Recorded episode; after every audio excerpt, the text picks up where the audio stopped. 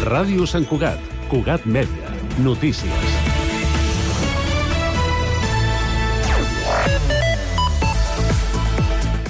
Bon dia. La situació financera del consistori es fa notar també a les inversions. Amb menys de 3 milions d'euros en aquest capítol al pressupost de 2024 i a l'espera de veure quina part del romanent de 2023 es pot incorporar, l'equip de govern prioritza aquells equipaments que ja s'han iniciat, com el complex aquàtic de Mirasol i el Teatre de la Unió, i aquells als quals han trobat finançament extern, com la passarel·la al pont de Can Bernet i nous espais d'ombra a les escoles. Una part important d'aquestes inversions, fins a 826.000 euros, estan previstes gràcies a la venda de patrimoni que els comptes municipals estimen en 3 milions d'euros com a ingressos principalment vinguts de la venda de parcel·les.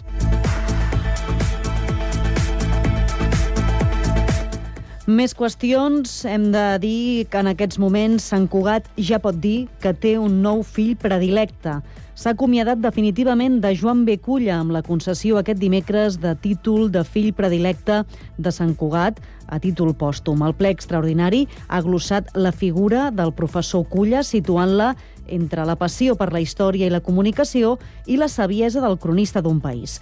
Un centenar de persones han assistit a l'acte on s'ha destacat el rigor de dades, la precisió de la paraula i la font de coneixement d'un veí discret que va viure a la ciutat els últims 25 anys de la seva vida. Tots els grups han elogiat la seva contribució en la història, malgrat les distàncies ideològiques, en alguns casos, com Vox, que s'ha abstingut. La resta de formacions hi ha votat a favor. La residència Sant Cugat, ubicada al carrer de Santa Rosa, busca un professional d'infermeria per cobrir una plaça fixa. La plaça està vacant des del passat 27 de gener, tot i que es va ocupar de forma provisional el 7 de febrer. Aquest, però, no és un fet aïllat, sinó que és un problema que el centre públic de Sant Cugat ha d'encarar periòdicament, ja que la rotació de personal és constant. Segons ha explicat a Cugat Mèdia, la directora del centre, Maria Pilar Arjona, la dificultat per ocupar les places a les residències és un problema generalitzat generalitzat, tant a Catalunya com a l'estat espanyol, i és conseqüència, diu, de la falta de reconeixement del sector i del conveni que el regula.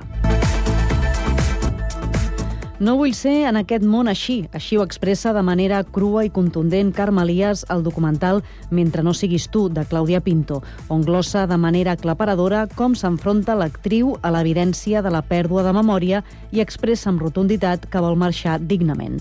Aquest pretext ha estat l'eix central del col·loqui que ha ofert l'associació Dret a morir dignament i l'associació Familiars d'Alzheimer al final de la projecció que ha tingut lloc aquest dimecres al cinema Sant Cugat, on més de 200 persones hi han assistit. L'acte ha comptat amb el suport del Departament de Drets Socials, l'Ajuntament de Sant Cugat i Cugat Mèdia. Cugat Mèdia, la informació de referència a Sant Cugat.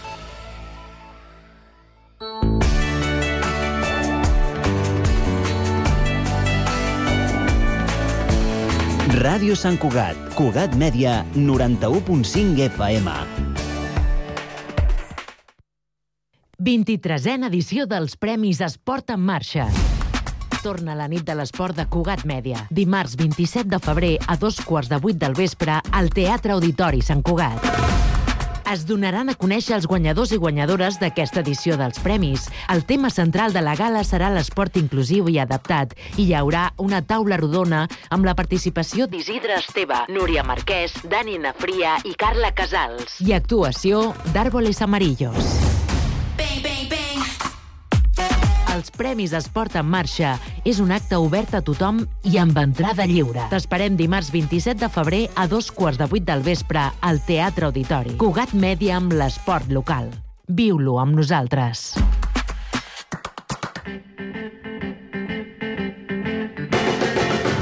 A Sant Cugat, Braseria La Bolera, el restaurant braseria situat al vell mig de la ciutat. Més de 20 anys oferint la més alta qualitat en tots els seus productes, en amanides, carns, verdures, Braseria La Bolera. Amplis menjadors per a celebracions familiars, batejos, comunions, casaments, Braseria La Bolera. Els que ja la coneixen sempre hi tornen. Baixada de l'Alba 20, al costat del monestir. Telèfon 93 674 1675.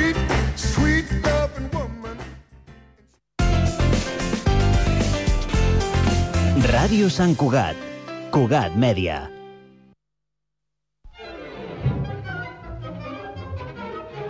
Everything that happens in life can happen in a show. You can make them laugh, you can make them cry. Anything, anything can go. The clown with his pants falling down, or the dance that's a dream of romance, or the scene where the villain is mean.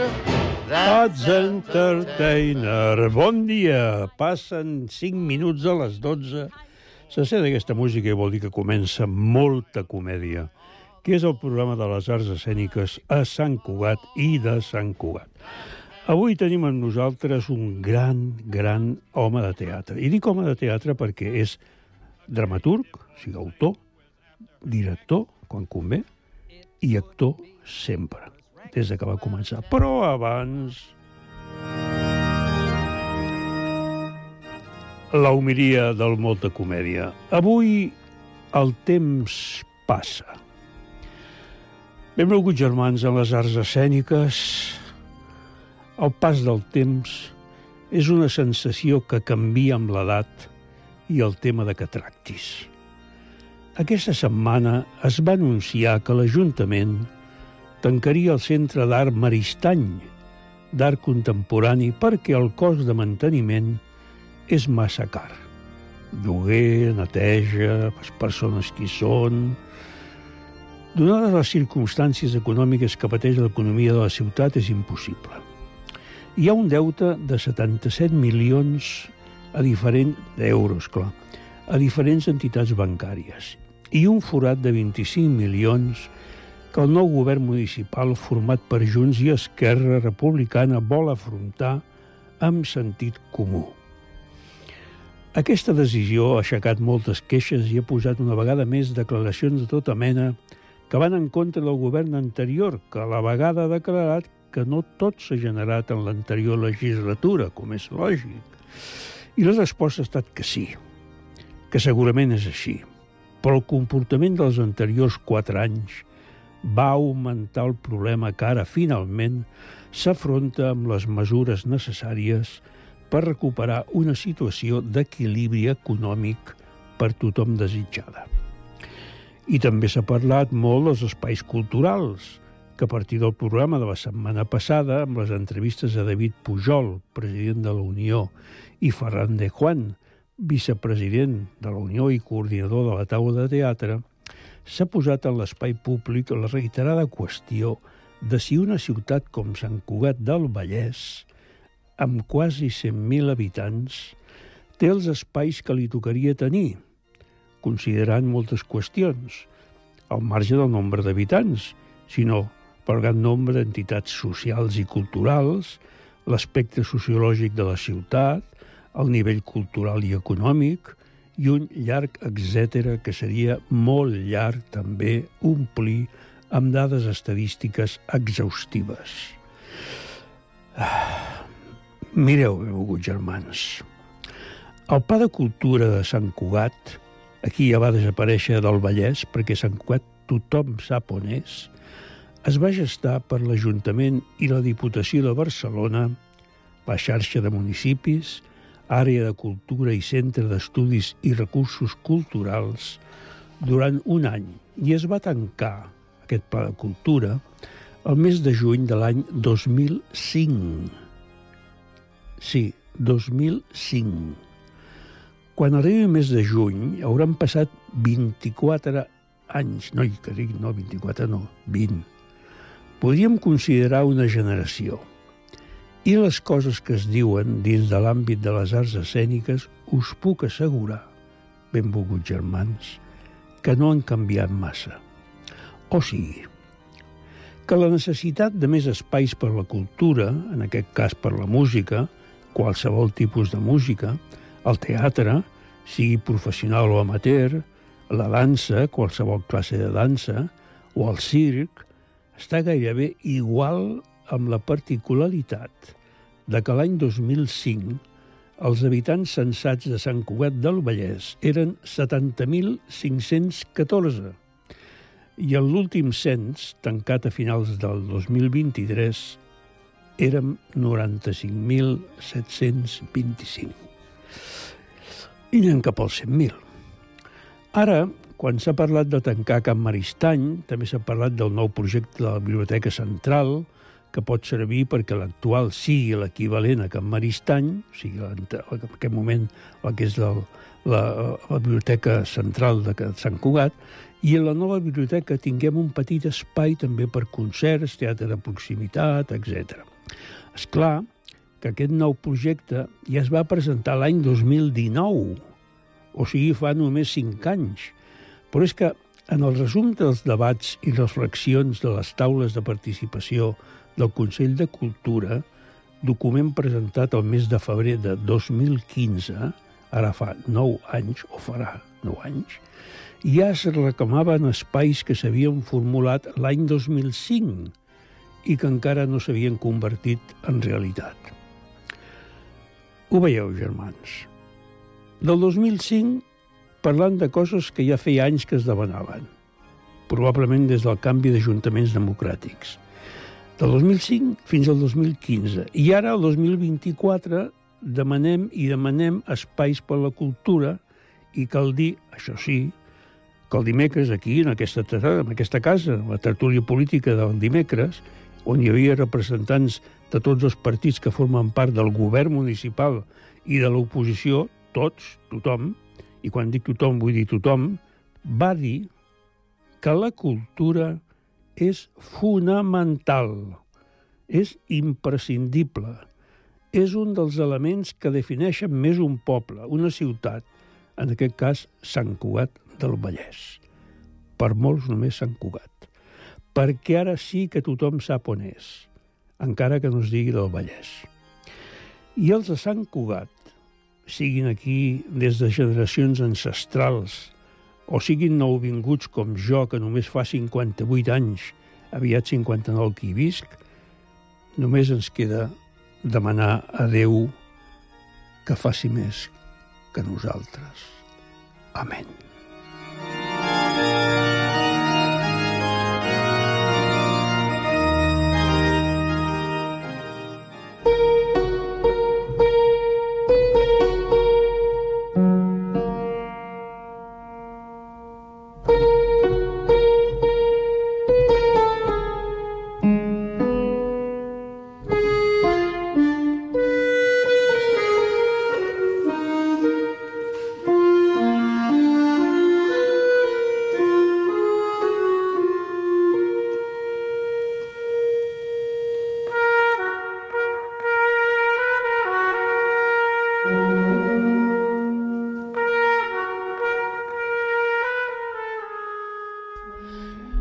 Hem escoltat aquesta música que volíem que fos una entrada, una entrada per una obra que es presentarà la setmana vinent, el dissabte dia 2 a les 8 de la tarda, a les 20 hores, i que es titula El Tigre.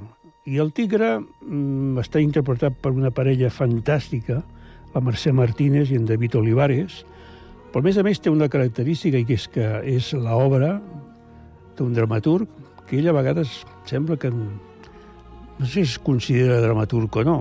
Ara li preguntarem. Però, a més a més, a més a més, dirigeix l'obra. I és en Ramon Madaula. Ramon, bon dia. Bon dia, bona hora, com esteu?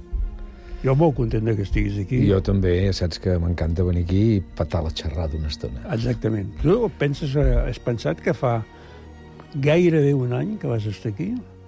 Sí, no sé, sé que vaig venir l'any passat, no sé, sí. El 24 de febrer de l'any passat. Sempre tens l'amabilitat de cridar-me. I tu, i tu va de venir, perquè si no hi hagués la correspondència... Hi ha, hi ha molta gent que no et crida. Vam, vas estar aquí per Buffalo Bill? Sí, exacte. Fa, I, fa un any, sí. Fa un any. I ara cada any hem de disparar. Exacte. S'ha de disparar cada any, si no...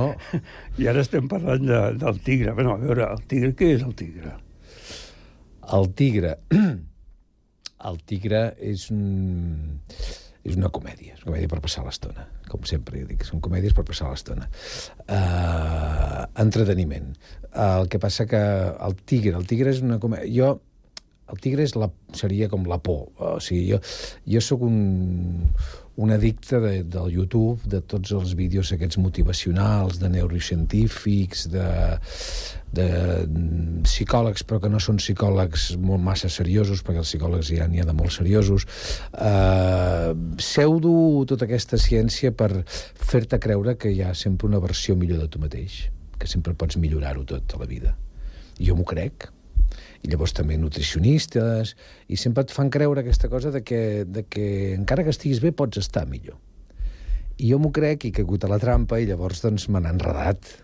Me n'han enredat. Eh, jo et posaré exemples. Per exemple, una que diu que has de prendre el sol 10 cops, 10 minuts al dia per la vitamina D perquè és molt important i em vaig posar a prendre el sol 10 minuts al dia com un de llonzes i em va agafar un càncer de pell. Bueno, no és greu, però m'ho van treure i ja està.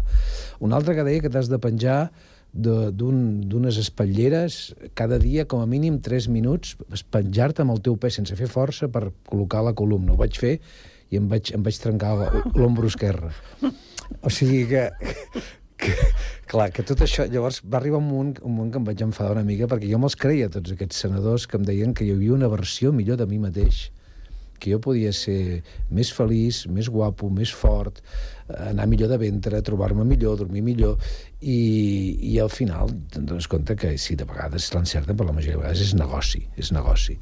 I a partir d'aquí se'm va ocórrer la història del tigre, que és la història d'un coach motivacional d'aquests que fan, fan conferències, TED, TED Talks d'aquests, per empresaris, per gent que necessita tenir una autoestima molt forta, que n'hi ha molts, sobretot als Estats Units. Vaig començar a mirar, és que n'hi ha molts, és un gran negoci, això de la felicitat, de la psicologia positiva, que en diuen ells.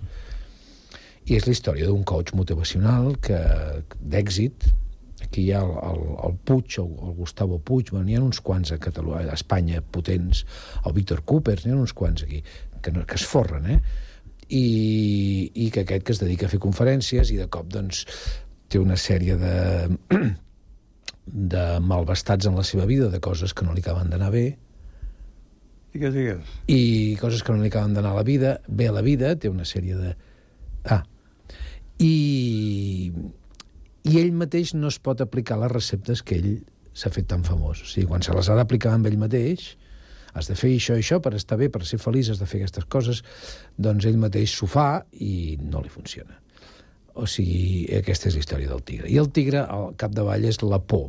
O sigui, aquests que ens diuen que podem viure bé eh, i, no, i ens obvien la part de que hem de saber conviure amb la por, amb el tigre, amb la por a, a no tenir salut, amb la por a estar sol, amb por a no tenir feina, amb la por a ser rebutjat, amb la por a no ser validat, a no ser aprovat.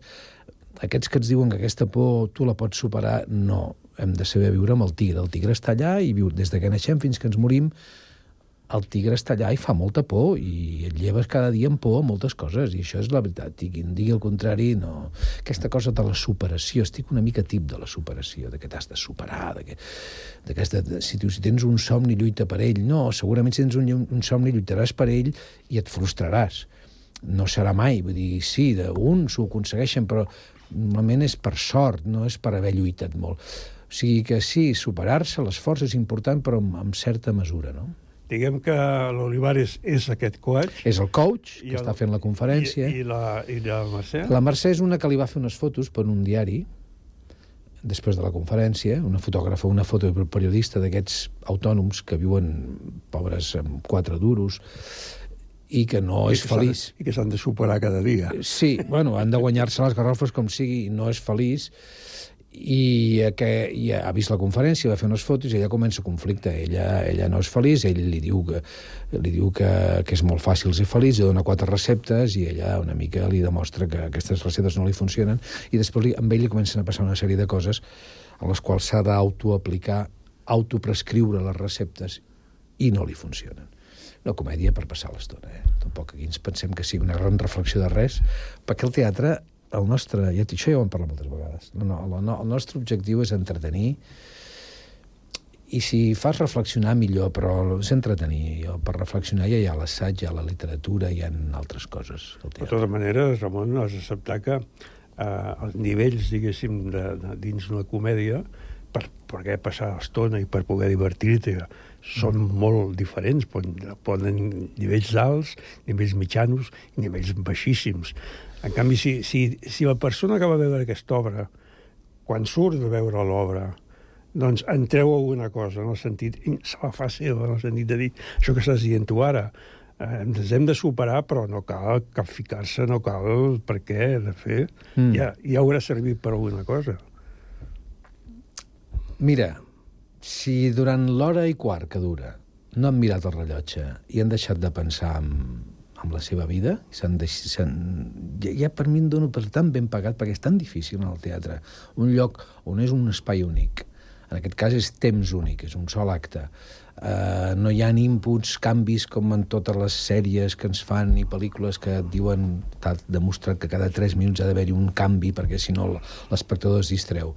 Cada vegada costa més tenir l'espectador enganxat. Si amb l'hora i quart estan allà, jo ja em dono per ben pagat. I a més han somrigut en algun moment, que jo crec que fa riure bastant, sobretot la part final, doncs ja és que em dono per ben pagat, no pretenc res més. Eh, els, els teatreros, això jo em repeteixo, eh, tenim com, no sé, la pretensió de que podem canviar el món fent teatre. No, no, no. De que hem de fer activisme, de que hem de fer pensar, hem de fer reflexionar. No, no, no, no hem d'entretenir. Com deia aquell, l'entreteniment no és art, però l'art sense entreteniment tampoc és art. Vull dir que que la, jo crec que, que, que hem de donar plaer a l'espectador, hem, hem de fer gaudir a l'espectador. Quina és la idea que et va portar doncs, després, ja deixant davant del Tigre, eh, per exemple, alguna part? És una obra, és una obra que es va estrenar es va estrenar, a Barcelona. Sí, aquest, aquests Nadals al Teatre Acadèmia, ara està de gira. Crec que a la tardor ve a Sant Cugat, l'auditori tornarà a Barcelona la temporada que ve. Eh... Aquí a l'escenari tens tres personatges. Sí. Els Bonaparte és una obra... Jo és de les que n'estic més satisfet, de dramatúrgia. Crec que és la més complexa. És l'última teva? Sí, és la més complexa. La... Jo crec que vaig una mica més enllà, dins de l'entreteniment, però en aquest cas és, és a partir d'uns fets històrics molt documentats. És quasi un, un sainet, però amb gent molt... Bueno, he aconseguit posar el Napoleó Bonaparte i el seu germà José Bonaparte quan ell era... Altre dit Pepe Botella. Pepe Botella, eh, que no bevia, li van dir perquè li deien que era borratxo i no bevia, pobre home, doncs eh, els, he conegut, els he aconseguit seure amb calçotets durant una hora i quart parlant del món, del poder i de la vida, no?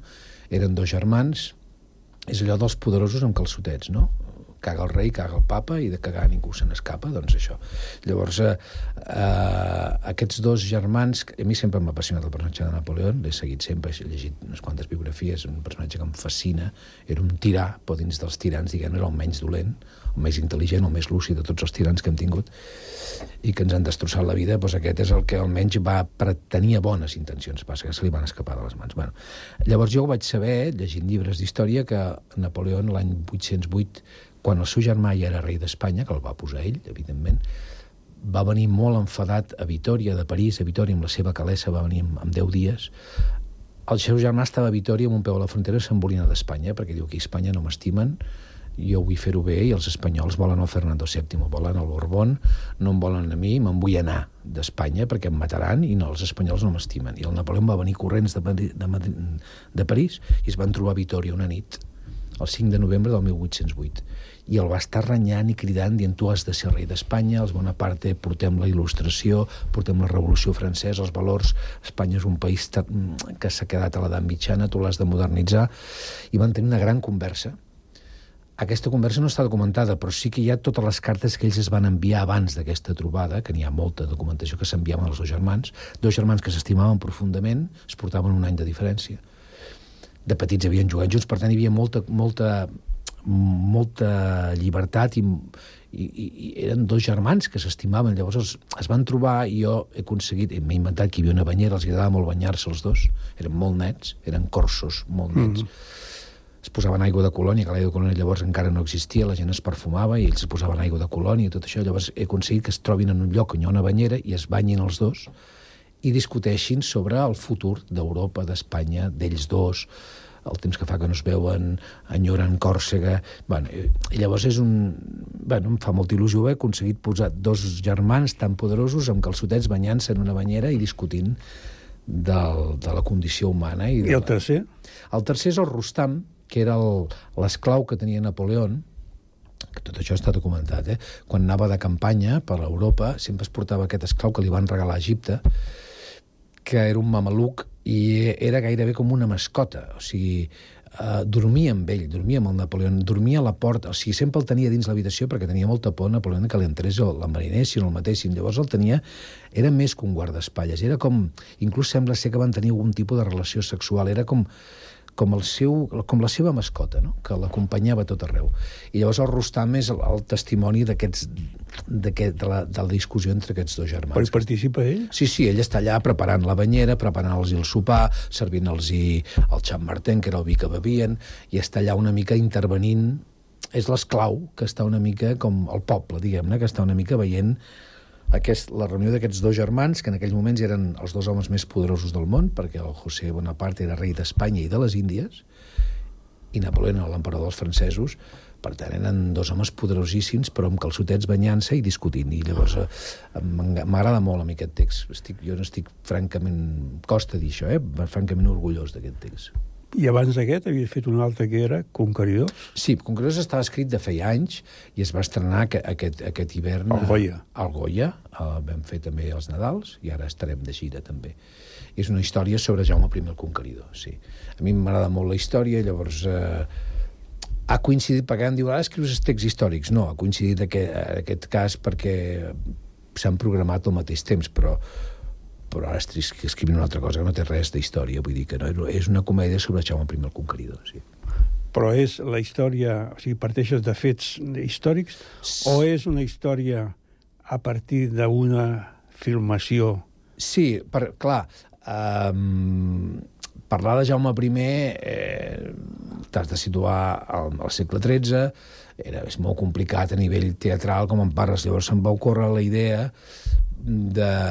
Jo he fet com a actor diverses sèries històriques, doncs de situar en un plató de televisió on estan rodant una sèrie sobre Jaume I el Conqueridor.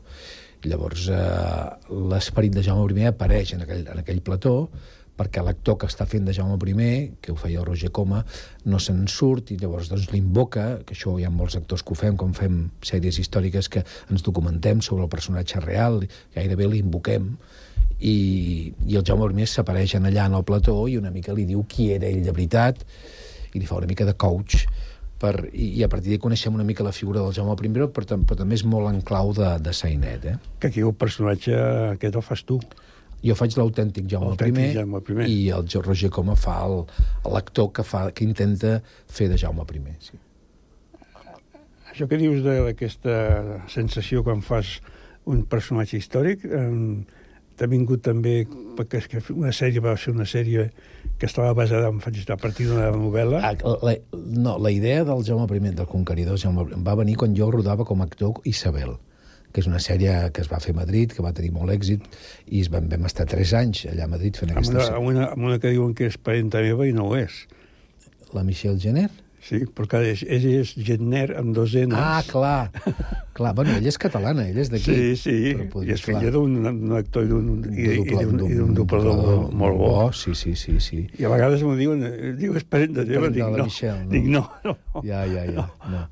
Pues sí, ella és catalana i parla el català perfectament. I llavors vam fer l'Isabel Catòlica i jo, jo feia el... el, el, el, el ja me'n recordo com es deia.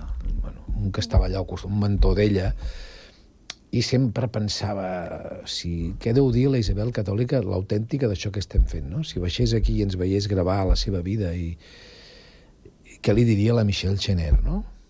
Sí, i, i d'aquí em va, se'm va ocórrer la història de Conqueridors. Què passaria si baixés Jaume I l'autèntic i en el Roger Com, en aquest cas, que fa de Jaume I, doncs la, li digués, el veiessin fer d'ell mateix, no?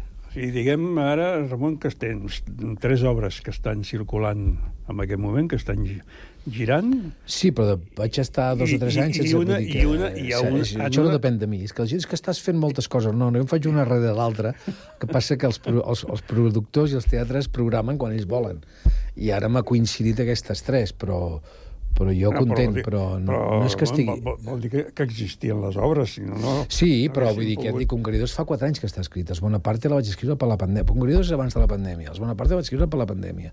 I el Tigre, sí, el Tigre la vaig escriure l'any passat. Encara mantens aquella rutina que em vas dir de cada matí posar-te Cada matí, plogui o nevi, sigui festa o festiu o, O sigui que avui o, o festa partit, de guardar. t'he partit la... ju- No, perquè començo, m'aixeco a les 7 i més de 3 o 4 hores no aguanto, eh, escrivint. Però 3 o 4 hores cada dia sí, és, és que ho necessito, és com... lla- Em, llevo amb il·lusió. Llavors, clar, dona molt de sí, 3 o 4 hores diàries. Sí, i tant. Dissabtes i diumenges, eh? I a l'estiu, sempre.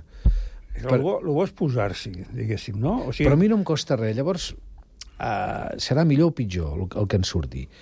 Això és com el Rossinyol, que, que, que escrivia molt i, i, i va, moltes vegades malament.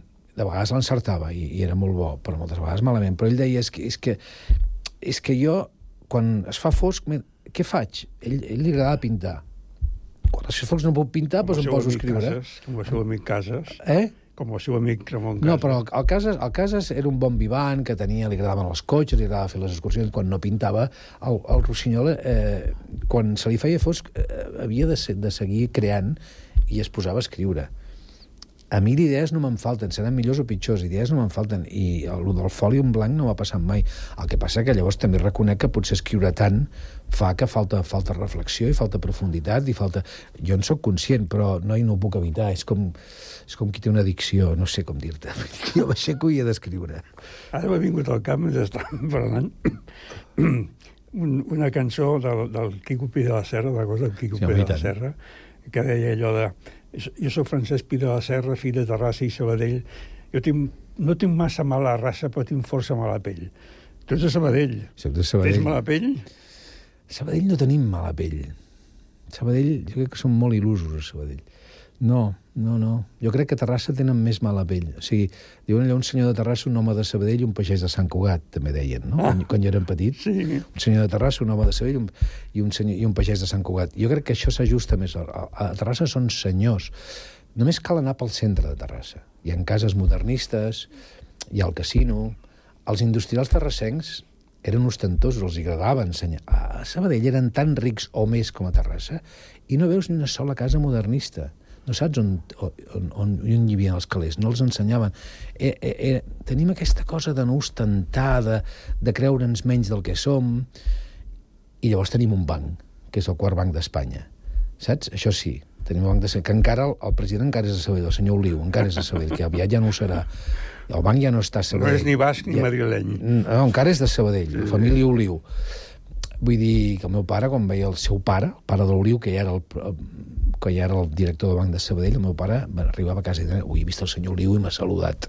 Era com, eh, saps, el senyor Oliu era com el papa de Roma. Però teníem un banc, vull dir, en canvi, a Sabadell, no, a Terrassa no tenen un banc, però tenen cases modernistes i tenen... Tenia la caixa d'estalvis de Terrassa. Sí, però ja no. Vull dir, un banc, per arribar a tenir un banc tan important, el Banc de Sabadell, sí. una ciutat com Sabadell, que no, no té res, s'ha de tenir... s'ha- s'ha- S'han de tenir, vull dir, no mala pell, s'ha de tenir aquesta cosa d'estalviar, de, de, de, no, de no ostentar, de la prudència, la- l'austeritat... Tot aquest coneixement et va servir molt pels Bruguerol? Home, totalment. El personatge dels Brugueroles de Sabadell. Era un personatge sabadellenc, un fabricant, fill de fabricants. Sí, sí, aquesta cosa sòbria. Saps? La sobrietat. I jo crec que a Sant Cugat la cosa del pagès encara hi és bastant. Enca amb els que sou d'aquí encara hi és bastant. La cosa... L'arrogància pagesa. El pagès té, té... O sigui, Sabadell som cap a dins, Sant Cugat, a, a, a Terrassa són ostentosos i aquí eh, ja el pagès té una certa arrogància, un cert orgull. Quan- no sé si és arrogància, és orgull, un, un, un, un despit, una cosa de, del pagès, saps? que li ha costat quan molt. Fa, quan es fa que vius a Sant Cugat? 32. Farà O 33. sigui, ets un nou vingut. Totalment. Jo sempre m'he sentit foraster a Sant Cugat. I els de Sant Cugat mireu una mica amb arrogància. No, no, jo, jo, em porto 58. Ah, tu no ets d'aquí? No. Ah, perdona, jo et, fe, jo et feia No. d'aquí, jo et feia d'aquí. No, no, jo, jo em porto... Ja et parlava com si fossis d'aquí. Jo em porto 58. Una mica d'arrogància I en també, tens. I també, i també em consideren, segons quin, que em considero un nou vingut. Eh? Ja, ja, ja, ja, ja. Sí, I d'on ets, tu? Jo sóc de Gràcia, de persona. Ah, ets de... ah, sembla que m'ho havies dit.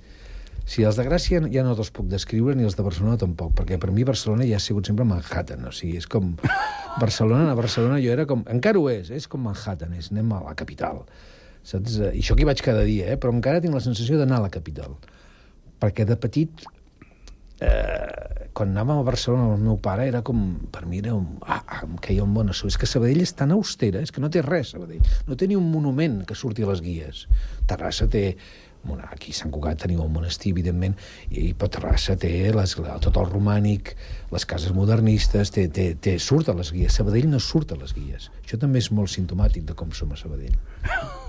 No sortim a les guies, però tenim un banc. Aquest banc, efectivament, és aquest el quart de... El quart d'Espanya, és que és molt fort, eh? Sí, sí. És que és, vull amb dir, la gran projecció. i, internacional, vull dir, hi ha un banc de Sabadell, hi ha un banc de Sabadell a Nova York, a, a Londres, és molt important, el banc de Sabadell, a, a Londres, vull dir, és, és que, és, que sem- és poca broma, eh? Ramon, a tu vull fer una pregunta d'una cosa molt d'actualitat en aquest moment, i és, què en penses d'aquest moviment que s'ha creat eh, de cap butaca buida eh, que està plantejat pel dia, sembla que és el dia 16 de, de març? Home, em sembla bé. El que passa que ara se li donat aquesta cosa de que som el primer país del món, complirem tots els teatres, no sé què, i la resta de l'any que... Eh, pf, em sembla bé, però hi han dues coses que no m'agraden. Primer això, com, com treure pit de que és una iniciativa molt catalana i que som els primers, dius, "Mm, però bueno, potser els altres no ho fan, però tenen els teatres molt més plens que nosaltres. Vull dir, no fan ostentació de res, tu vas a París o vas a Londres... Eh, a Madrid no, a Madrid només omplen els musicals, està baixant bastant l'assistència al teatre, en canvi els musicals ho estan patant, però vas a Berlín o vas a Viena, o no sé, saps? Roma tampoc, Roma és un lloc que el teatre els hi va fatal, però bueno, hi ha llocs que l'omplen cada dia i no fan tanta ostentació. Vull dir. I per altra banda, jo el de pidolar que la gent vagi al teatre és una cosa que sempre m'he negat. Fem perquè vinguin al teatre, no, si ja vindran si volen, o sigui, el que ens hem d'ocupar és de fer-los productes que els interessin. Mira, el Mago Pop no té cap problema per omplir el teatre, saps? Ah, ja. cap problema Cap ni un. perquè ha sabut oferir un producte que a la gent li interessa. Els teatreros, jo em poso primer de la llista, no sabem fer productes que la gent li interessin. I, i no ho sabem fer, i de tant en tant dones la campana, eh, però molt de tant en tant. Els teatres estan mig buits, hi ha coses que funcionen molt bé, però la majoria estan a la meitat o, o no, la gent no hi va. Llavors, d'això és el que ens hem d'ocupar, de què podem oferir i no tenen per què ser coses fàcils, eh? Vull dir, podem oferir coses amb molts continguts, però que, el, que, que siguin històries que interessin a la gent d'ara, no? Els joves, a, que interpel·lin, que, que ens parlin... Per exemple, jo crec que hi ha un abús de clàssics, crec que els clàssics mm, estan molt bé per llegir-los, però fer-los avui en dia no té massa sentit i menys sentit té actualitzar-los. Diu, si has d'actualitzar, doncs escriu una cosa d'ara, no utilitzis un Shakespeare perquè és millor fer-lo tal qual està escrit o llegir-te'l que voler actualitzar-lo. Per què un Shakespeare ara eh, no sé, vestits de nazis o vestits... Que no sé, això, a mi tot això crec que, que, està, que és antic, que ja no, que no, que ja no hem d'anar per aquí. Ara aquí ho veurem amb, amb l'alegria que passa, per exemple, que és una actualització de Goll de Gom, Mm. musical en aquest cas. Del Rossinyol. Jo no l'he vist, es veu que està molt bé, eh? Vull dir, aquesta, és aquesta... Sí, aquest en aquest intent- cas es veu, es veu que ho han intent fet bé. En aquest cas es veu que, que ho han fet bé i la gent que ho ha vist tothom surt molt content i, i que en aquest cas ho han sabut fer. També l'alegria que passa és una obra que mm, o l'actualitzes o no s'aguanta. Però hi ha, clàssics com Shakespeare, com Chekhov, això, que són tan bons que dius, abans de tocar-los, pensa't una mica i te pensa't una mica, perquè és tan bo que dius no, no cal tocar-lo. Rossinyol, doncs potser sí que cal tocar-lo. Tu ho coneixes molt bé, l'obra de Rossinyol, perquè jo Sí. recordo que vas preparar un... Sí, vaig fer un, Un monòleg sobre monòleg. la seva vida. És la primera cosa que jo escrivia, que jo no, no vaig escriure jo tot el que deia de Rossinyol, però la primera cosa que vaig fer una dramatúrgia, que em vaig atrevir a agafar textos del Rossinyol, a enganxar-los, a ensamblar-los, a, a crear, i allà vaig començar a veure que, que això d'estar davant l'ordenador remenant m'agrada molt. I, I és el primer, sí, el 2007, sí, sí. I en aquest moment, aquest matí que entres i et poses davant de l'ordinador, hi ha una obra en marxa? Sempre n'hi ha dos o tres en, en marxa a l'hora, llavors quan em quedo encallat la deixo i començo una altra. Mm, ara, bueno, ho dic perquè ja, ja es pot dir, i és una cosa que em fa molta il·lusió. Eh, els mateixos productors del Tigre, que són Teatre de Guerrilla, en Sí. Quim Mas Ferrer i en Sí. David Grau, que ens hem entès molt bé i que són gent que estima el teatre, li, li agrada molt el territori, les comarques, ells són una, una productora que està a Arbúcies, no està a Barcelona. Això també s'ha de dir, fora de Barcelona passen moltes coses. I són una productora molt potent, el Quim Mas Ferrer, evidentment, és un personatge molt potent a Catalunya, i té aquesta productora, i el Tigre ja ho vaig fer amb ells, m'ho van encarregar, va dir, volem fer una obra Sí, sí. amb tu, i això. T'ha en el... I jo vull dir-ho molt clar perquè ja. sembla que hi hagi només productores a Barcelona. Bueno, jo també treballo molt amb Vitó, que és una productora de Girona, molt potent, que fa temporada alta, amb el Sunyer, etc. Vull dir que... Però, i, però, en aquest, però és una productora forta. En aquest cas una productora petita, però molt, molt ferma. I llavors vam dir, bueno, hem fet el Tigre i ara volem fer una altra cosa. I, i fem una cosa que jo hi seré d'actor i que l'estrenem amb gira l'any que ve, que l'estic acabant ara, però, però que es diu Els Bons, i que és sobre el món el món del teatre amateur, una mica. Del teatre amateur, que és un món que jo em vaig començar a Sabadell, saps? El món del teatre amateur de vegades hi han unes... Un, un, de vegades és magnífic, però de vegades hi han un, unes ínfoles eh, més que el teatre professional. I tant. que et trobes amb cada personatge... Saps quantes companyies hi han apuntades aquí a la taula de teatre que depèn del Consell de Cultura de Sant Cugat? Hi ha 12 companyies de teatre amateur apuntades, que no vol dir que les 12 companyies estiguin treballant contínuament, però n'hi han 8, més o menys, Sí. que fan una producció cada any, com a mínim. Més, tenen ajudes, que, Que- em sembla molt bé. i que tot suma, això. sumes aquesta xifra, aquesta, amb, amb quantitat de persones vinculades i que s'està movent dintre d'aquest món, i són... És una, és una xifra No, considerable. no, a tot, a tot Catalunya és, és, és una cosa, un, un moviment molt potent, però que de vegades estan, estan com... Jo crec que no ho disfruten prou perquè els hi fa com ràbia acceptar que és teatre amateur. Dius, eh, no passa res, però hi ha com aquesta eh, anel, no?, de, de transcendir, dius, no, esteu aquí per divertir-vos i ja està, hi ha com un com una ambició que dius, per què? Si això pro- ja ho patim els professionals, que estem aquí sempre patint perquè no et fotin hòsties per, per seguir endavant, per si vosaltres disfruteu del teatre amateur, no? no. Bueno, llavors jo vaig començar al teatre amateur a Sabadell, i llavors és una obra que som dos, i l'altre estic molt content perquè és en Jordi Buixaderes i jo, Home. i ho dirigeix el Paco Mir. I això comencem a la tardor dels assajos, estrenem al gener amb gira, i llavors anirem al Teatre Poligrama l'any que ve. I, I és una obra que estic molt content, que jo crec que és, perquè es veu una mica el, el, el món, diguem-ne, rere, rere bambalines del teatre amateur, que jo he viscut, el que jo he viscut, eh? no puc dir... Saps, la, una mica les enveges, les gelosies, i, i, i, aquesta, i que aquesta ànsia de, de ser reconegut cada vegades és més forta que els professionals, saps? Que dius, bueno, per, per què no... Si és un hobby totalment, només, és un hobby. Però, No, és una, i de vegades és, es té que plantejar com un enriquiment personal, tu estàs fent allò, estàs, tens una vida professional X, la que sigui, i en canvi doncs, estàs dedicant a hores, bé, hores ja i està. bé, Però hi ha com unes competitivitats, de vegades, eh, bastant, bueno, que jo havia, havia viscut i que conec gent que encara estan en actiu i això, que hi ha com una cosa... Bueno, i llavors, em, bueno, és un tema que feia temps que tenia ganes de tocar-lo i, i llavors som, som dos actors de teatre amateur, el Jordi Buixedres i jo, que ens passen una sèrie de coses. I... Estic content d'escoltar que en Jordi Buixaderes... Eh, que... Jordi Buixedres costa molt atrapar-lo. Ja, ja, ja, per això t'ho dic. Ara s'ha tornat a reincorporar, ho va, ho va deixar uns anys, Sí. Ell, la veritat és que no ho Va, necessita, perquè sí, amb el que fa de, de- de, de doblatge doblatge. i de posar veus al camp del Barça i tot el que fa, viu tranquil·lament. Llavors ara ell només fa el, el teatre que a ell li ve molt de gust fer. I jo sé que té moltes ofertes i això, i, i ell només fa teatre realment, en aquest cas sí, per, per, com a hobby, per passar-s'ho bé.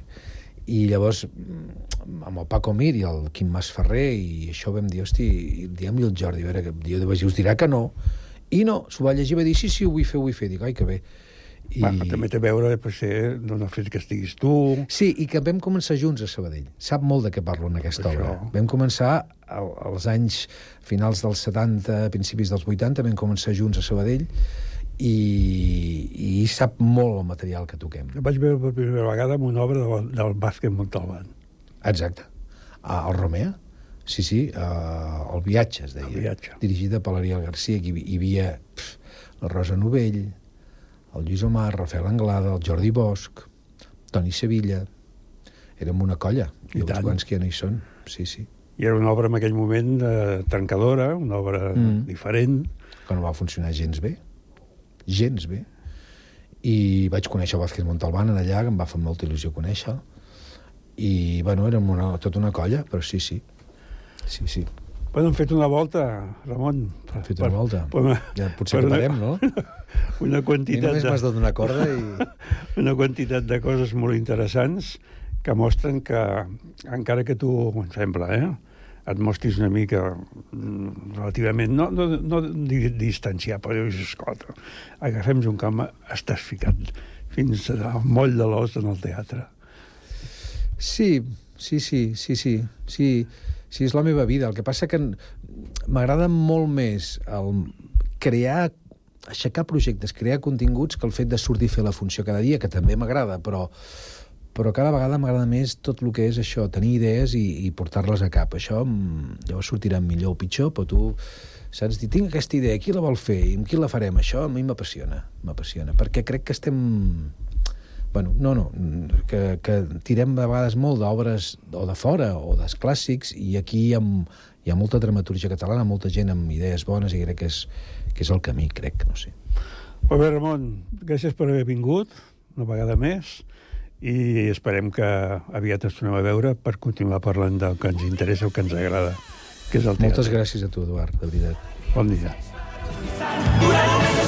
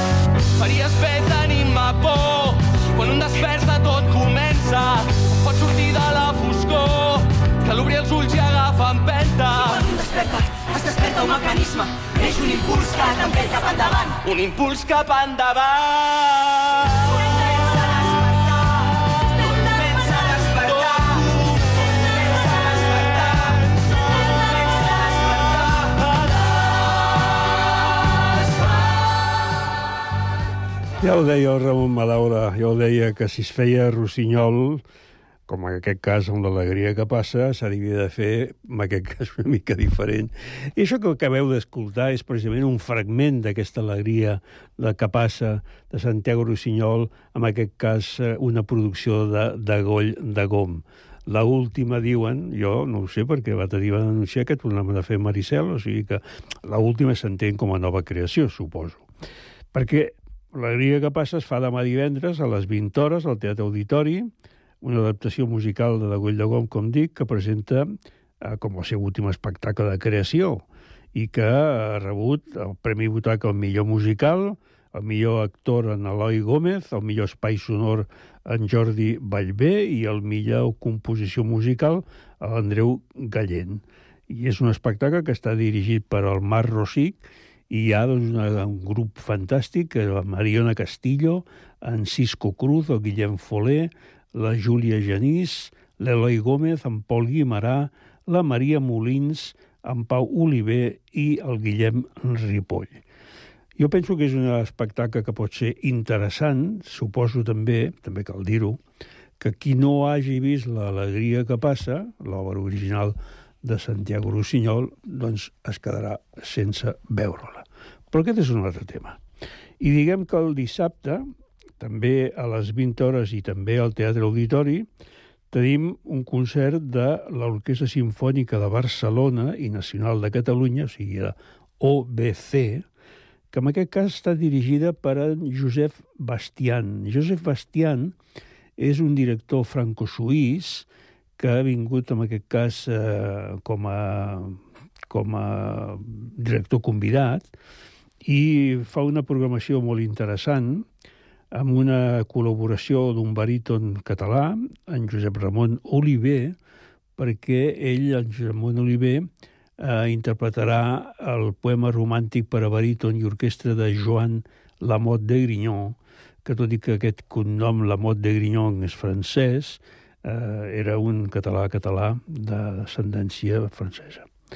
Però és que el repertori és eh, fantàstic, perquè tenim la eh, Ma mère l'Oi de suite de, de Maurice Ravel, eh, tenim Gustav Mahler, des Naven Wunderholm, el cor margin de joventut, una selecció d'aquesta obra de Mahler, i després tenim l'ocell de foc d'Igor Stravinsky, que en el seu moment, quan es va estrenar a París, aquesta obra, doncs va haver-hi moltes i moltes xigolades per part d'un públic que es va quedar una mica al·lucinat per aquella música que sortia d'una orquestra i és una música, en aquest cas, que es va fer per l'encàrrec per part dels balets russos de Segi Diaghilev.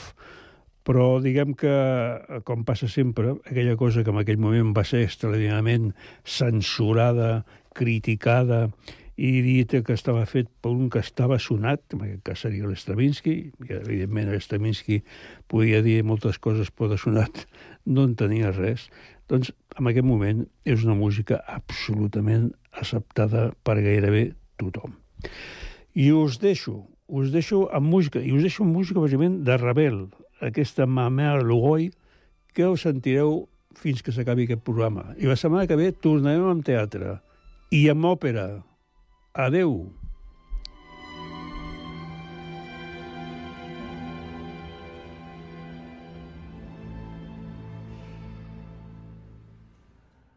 L'Edronette, l'impératrice des pagodes, un conte oriental.